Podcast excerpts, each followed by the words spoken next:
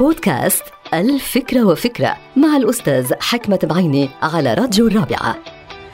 بيمتلك بعض الناس القدرة على التوفير أو على الأقل الحفاظ على الموارد والطاقات اللي بيملكوها.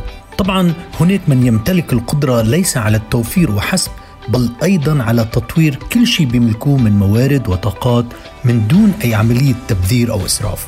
هالقدرة هي من أهم المميزات الذكية في عالم الإدارة وال business والاقتصاد. واللي بينطبق على الإدارة في عالم ال business بينطبق أيضا على الإدارة في الحياة الشخصية والعائلية.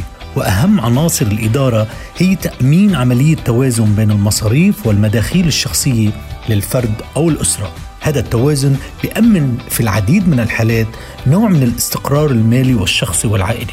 ولكن بعض الأشخاص ما بيملكوا القدرة على التمييز بين التوفير والبخل لأنهم ما عندهم قدرة على رؤية الخيط الرفيع اللي بيفصل أحيانا هاتين الصفتين.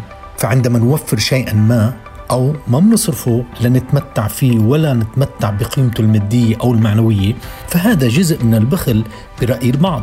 وإذا تصرف الإنسان بنوع من البخل للحفاظ على موارده وطاقاته فهذا جزء من التوفير برأيه هو وليس برأي الآخرين.